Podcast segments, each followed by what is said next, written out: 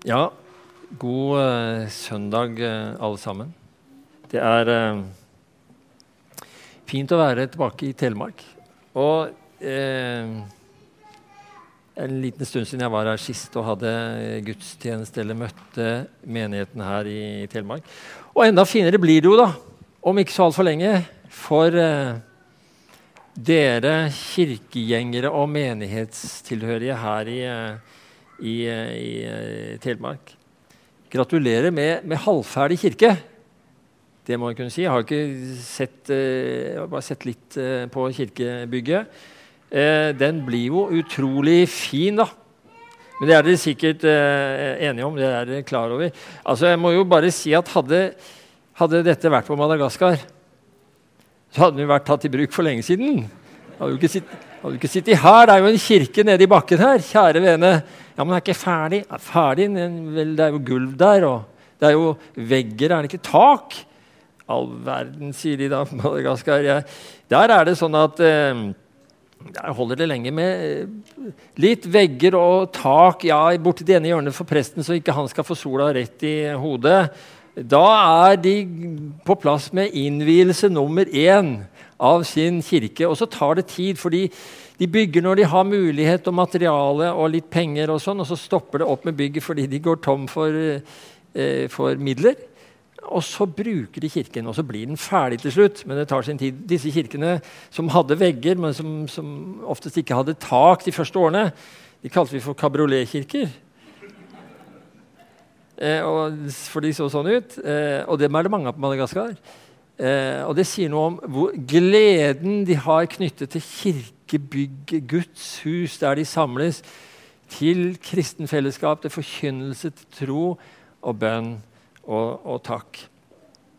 Så må jeg jo selvfølgelig si at jeg er jo grønn av misunnelse på min etterfølger som tilsynsmann, som får eh, komme og være med og innvie dette fine bygget når den dag og tid kommer, antagelig da til høsten, så vidt jeg forstår eh, planene. Det blir en stor gledens eh, dag for dere og for, eh, for, oss alle. Og så er det så fint å høre når dere kommenterer i ulike sammenhenger, eh, forskjellige folk fra, fra Delk Telemark, om, eh, om, bygget. Dere gir uttrykk for at dere er glad for et fint og praktisk og flott bygg for kirke og skole eh, osv. Og, og så sier dere samtidig at dere er enda mer opptatt av det som skal fylle bygget. Av takk, av tro og av lovsang og tilbedelse. Forkynnelse av Guds ord, kristen fellesskap. Alt det gode, velsigna som Gud gir oss, og som vi skal fylle dette bygget med. Dere er veldig tydelige på at det er det som er det viktigste. Vi tenker på en vakker kirke, takk og lov, og et velsigna innhold til Guds ære. Vi har hørt lesetekstene i dag fra Jobb, fra Efeserbrevet. Eh, evangelieteksten i dag den handler altså om noe som vi så vidt har hørt litt om i første rekke, får oss liksom til å tenke noe så livsfjernt og uaktuelt eh, som det denne teksten eh, tar opp. Altså om besettelse, djevelutdrivelse, eh, sånne primitive tanker og forestillinger som de sleit med på Jesu tid og i middelalderen og osv., men som jo liksom ikke er noe vi er opptatt av i vår tid. Vi er jo kommet litt lenger, tenker vi. Eh, og så viser det seg at denne teksten allikevel er mer aktuell enn vi kunne ane, både når det gjelder til advarsel, til vekkelse og til trøst for oss. Vi skal lese teksten fra Markus evangeliet kapittel 9, fra vers 17. Vi leser i Jesu navn. En i mengden svarte, 'Mester, jeg er kommet til deg med sønnen min fordi han har en ånd som gjør ham stum.' Når den griper fatt i ham, så kaster den ham over ende, og han fråder og skjærer tenner og blir helt stiv. Jeg ba disiplene dine drive ånden ut, men de maktet det ikke. Da sa han til dem, du vantro slekt. Hvor lenge skal jeg være, eh, være hos dere? Hvor lenge skal jeg holde ut med dere? Kom hit med gutten. De kom med ham, og straks ånden fikk se Jesus, rev og slet henne i gutten, så han falt over ende og vred seg og frådet. Jesus spurte faren, hvor lenge har han hatt det slik? Fra han var liten gutt, svarte han. Mange ganger har ånden kastet ham både i ild og i vann for å ta livet av ham. Men om det er mulig for deg å gjøre noe, så ha medfølelse med oss og hjelp oss. Om det er mulig for meg, svarte Jesus. Alt er mulig for den som tror. Straks ropte guttens far, Jeg tror, hjelp meg i min vantro. Da Jesus så folk stimle sammen, truet han den urene ånden og sa, Du stumme og døve ånd, jeg befaler deg, far ut av ham og far aldri mer inn i ham. Da skrek den høyt, slet voldsomt i gutten og for ut. Gutten lå livløs, og alle sa at han var død. Men Jesus tok ham i hånden og hjalp ham opp, og han reiste seg. Da Jesus var kommet i hus og disiplene var alene med ham, spurte de, hvorfor var det ikke mulig for oss å drive den ut? Han svarte, dette slaget er det bare mulig å drive ut ved bønn og faste. Vi takker deg, himmelske Far, for ditt gode ord. Til undervisning, til påminnelse, til formaning, til lærdom. Til trøst, til styrke og håp Herre, gi oss av dine rike gaver nå. Amen. Ja, det er en sterk historie om det som skjer etter at altså Jesus og disiplene de, de kommer ned fra Forklarelsesberget og har hatt det helt fantastisk. Eh, vi husker den fortellingen der eh, oppe. Og Nå kommer de altså ned, og de har ikke før kommet ned i dalen før liksom verdens virkelighet og elendighet møter det liksom rett opp i ansiktet. For her kommer altså en fortvila far til, til Jesus med, med sønnen sin. For han er besatt av en ond ånd, står det. Onde ånder besettelse, åndsutdrivelse, eller eksorsisme, som vi også kaller det. Vi hører jo ikke om, så mye om det i, i, vår del av verden, i hvert fall eh, i, eh, i, dag. Eh,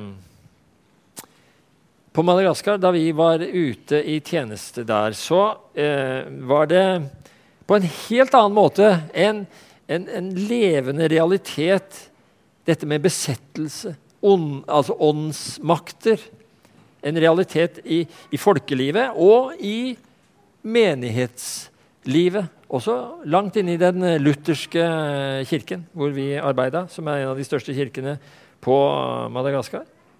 Jeg vet ikke hvor mange sånne utdrivelses, utdrivelsesseanser vi har eh, vært til stede på gjennom eh, åra ute.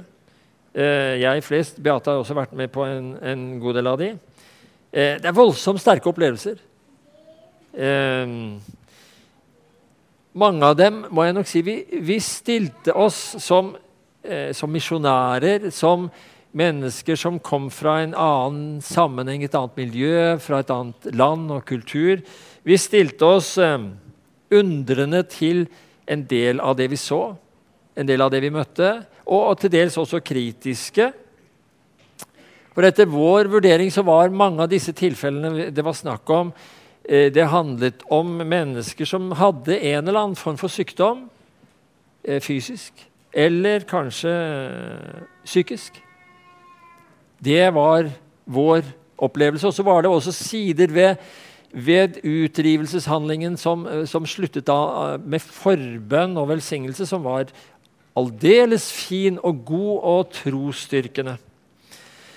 Men når det gjaldt besettelse, så, så, var det nok sånn for oss at vi i noen tilfeller ikke kunne altså eh, avvise at det handlet om en, en besettelse på en eller annen måte.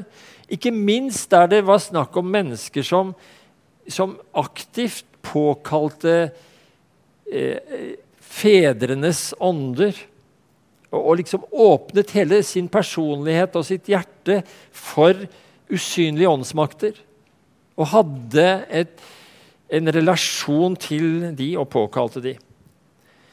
Ja, hva, hva tenker vi egentlig om sånne fenomener i dag? Ja, Det kan vi jo selvfølgelig ikke gå fullt og helt inn på i et uh, møte sånn som uh, nå. Og jeg har lyst til å si kanskje er det ikke noe behov for det heller. Det var mer snakk om det for noen titalls år siden. Men jeg har lyst til å slå fast to ting når det gjelder akkurat dette. Og For det første så er det dette. Ut fra Guds ord og også til dels ut fra egen erfaring, så erkjenner vi at det finnes åndsmakter i tilværelsen utover det vi kan se og liksom eh, erfare direkte. Eh, som vi liksom kan bevise og demonstrere. Den teksten vi hørte fra Efeserbrevet, snakker jo faktisk om en åndehær, en ondskapens åndehær i himmelrommet. Mange andre steder også i Det nye testamentet snakker om slike åndsmakter. Eh, det er en åndelig virkelighet utover den vi kan se med øynene, som, altså, som Bibelen beskriver det. Og ikke bare onde makter. Vi snakker også om engler, som er en del av dette. De gode makter, åndsmakter uten at det egentlig sies så veldig mye verken om dem eller om disse onde åndsmaktene. Og dermed så kan heller ikke vi si så mye mer. Vi kan ikke si i det hele tatt noe mer enn det som Bibelen sier om det. Og enda mindre skal vi på noen måte spekulere i dette eller bruke masse tid og oppmerksomhet på det. Fordi det er jo sånn at vårt fokus er et helt annet. Og dette hører jo heller ikke på noen måte inne i Bibelens eh, kjernebudskap. Dette med åndsmakter og besettelse og utdrivelse osv. Men vi sier med Skriften, og iblant også med erfaringen, at det finnes onde makter. Det finnes en djevel. Det finnes en ond personlig makt. Enda så gåtefullt og underlig det er, så sier vi at det finnes. Og det finnes ondskap. Det ser vi og merker vi. Det er det ene. Og for det andre så skal det sies dette. Alle som hører Herren Jesus til, som lever i troen på ham, som har det næreste fellesskap med ham og Gud, vår himmelske Far, har intet å frykte fra disse maktene. Intet å frykte for noen besettelse av dem. Når livet vårt er på det sterkeste knytta til Han som seira over døden, over djevelen, og vi har fått del i denne seieren gjennom troen på ham, da har vi intet å frykte for disse maktene. Hva nå enn dette med besettelse er. Og jeg sier at det avviser vi ikke. Selv om ikke det er et stort tema, i hvert fall ikke i vår kultur og sammenheng, så kan du spørre hvorfor er det ulikt i de ulike kulturene. Det er mye vi ikke har svar på. Men så vil det i hvert fall ikke ramme de som hører Herren til. For når vi har kledd oss i, etter denne kleskoden vi hørte om i Efeserne 5, med, med frelsens hjelm, åndens sverd, som er Guds ord, sannheten som belte om livet, rettferdigheten som en brynje, som en klesdrakt og på beina altså sko. Fredens evangelium. For noen sko! Vi skal gå i og gå med. Og med troen som et skjold i hendene. Ja, vet du hva? Da er vi, kjære dere, uangripelige overfor alt som er av ondskapens ånder og makter. Ja, den onde selv. Hørte du det? Da er vi uangripelige. Lov og takk til Gud for det. Guds fulle rustning først av alt. Da vet du hva du liksom skal plukke ut av klesskapet når du står opp om morgenen. Altså, før du liksom blar deg gjennom skjortene og hva det er du ellers skal ha på. Guds fulle rustning er nummer én. For da lever vi altså i en beskyttelse, kjære dere, som Folkehelseinstituttet og Helsedirektoratet og hvem de er, de kan bare uh, være nummer to for større beskyttelse enn vi har. Med Guds fulle rustning. For det som virkelig er farlig, det finnes ikke. Det er godt å vite. ondskapens ånde her i himmelrommet, står det. Ja, vi trenger jo ikke egentlig gå så langt som ut i himmelrommet for å snakke om ondskap. For det merker vi og vet vi og ser vi at finnes midt iblant oss. Det erfarer vi på ulike måter hver eneste dag. Enten i vårt eget liv eller vår egen nærhet eller i den verden vi lever. Og så er det sånn at vi som tror og har Bibelen som et fundament Vi vet jo at vi som mennesker har et element av begge deler i oss. Både det gode og det onde. Der har altså kristentroen et veldig realistisk syn på mennesket. Det er det ikke alle som har. Her Forleden så gikk jeg en tur med en eh, god venn som jeg eh, jevnlig går eh, tur eh, sammen med. Og Denne gangen så gikk jeg altså på krykker, og, og han eh, med rullator. Han, har, han, har, litt vondt for å eh, gå. Jeg tipper vi må ha sett ut som et begredelig gammelt par som krekte seg av sted der, altså. På rullator og krykker. Det var altså to rustne herrer på tur, kan man si.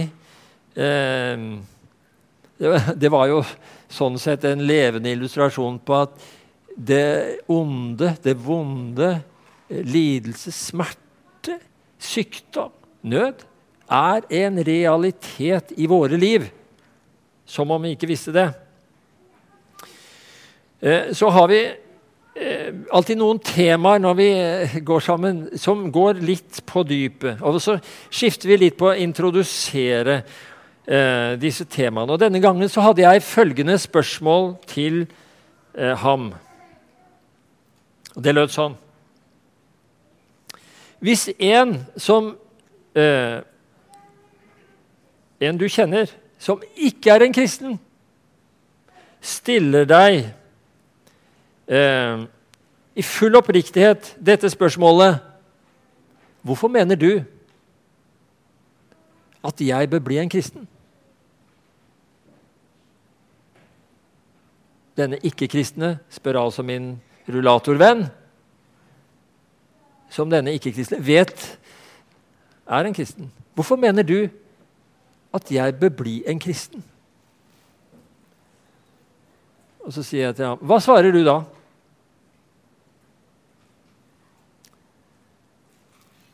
Det er jo et spennende spørsmål, da. Eh, det er jo et, tema det går an iblant å kanskje ta opp i en bibelgruppe, husfellesskap, et samtalegruppe, når vi er sammen og deler noe som har med troen å gjøre. Hva ville du svart på det? Hvis noen, en ikke-kristen du kjenner, kom og spurte deg hva, hvorfor mener du at jeg også bør bli en kristen. For det går jeg ut fra at du mener fordi kristne ønsker å dele troen, og at andre skal også bli kristne. Hva ville du lagt, vekt på da? Min uh, rullatorvenn, for å kalle ham det, tok seg litt tid. Og så sa han at selvfølgelig ville det handle om, om Jesus. Eh, om menneskets nød, om frelse, om håp, om evig liv. Men på veien dit, sa han, på veien dit, til kjernetemaene i kristentroen, så ville jeg begynne med å si fordi kristentroen Du bør bli en kristen fordi kristentroen tør å snakke sant om mennesket, tør å se virkeligheten i øynene, fortelle sannheten om livet og om oss mennesker, hvem vi er, hvordan vi er satt sammen, om kampen mellom det onde og det gode, om Gud, om Guds motstander. At mennesket ikke er godt på bunnen kanskje bare godt litt på overflaten. Men at vi har en ond rot i oss som Jesus har gjort noe med. Sånn at vi kan se realistisk på livet. Kristendom er realisme. Den tør se sannheten om menneskene i øynene og si det som det er. Omtrent sånn svarte han. Det ville jeg lagt vekt på.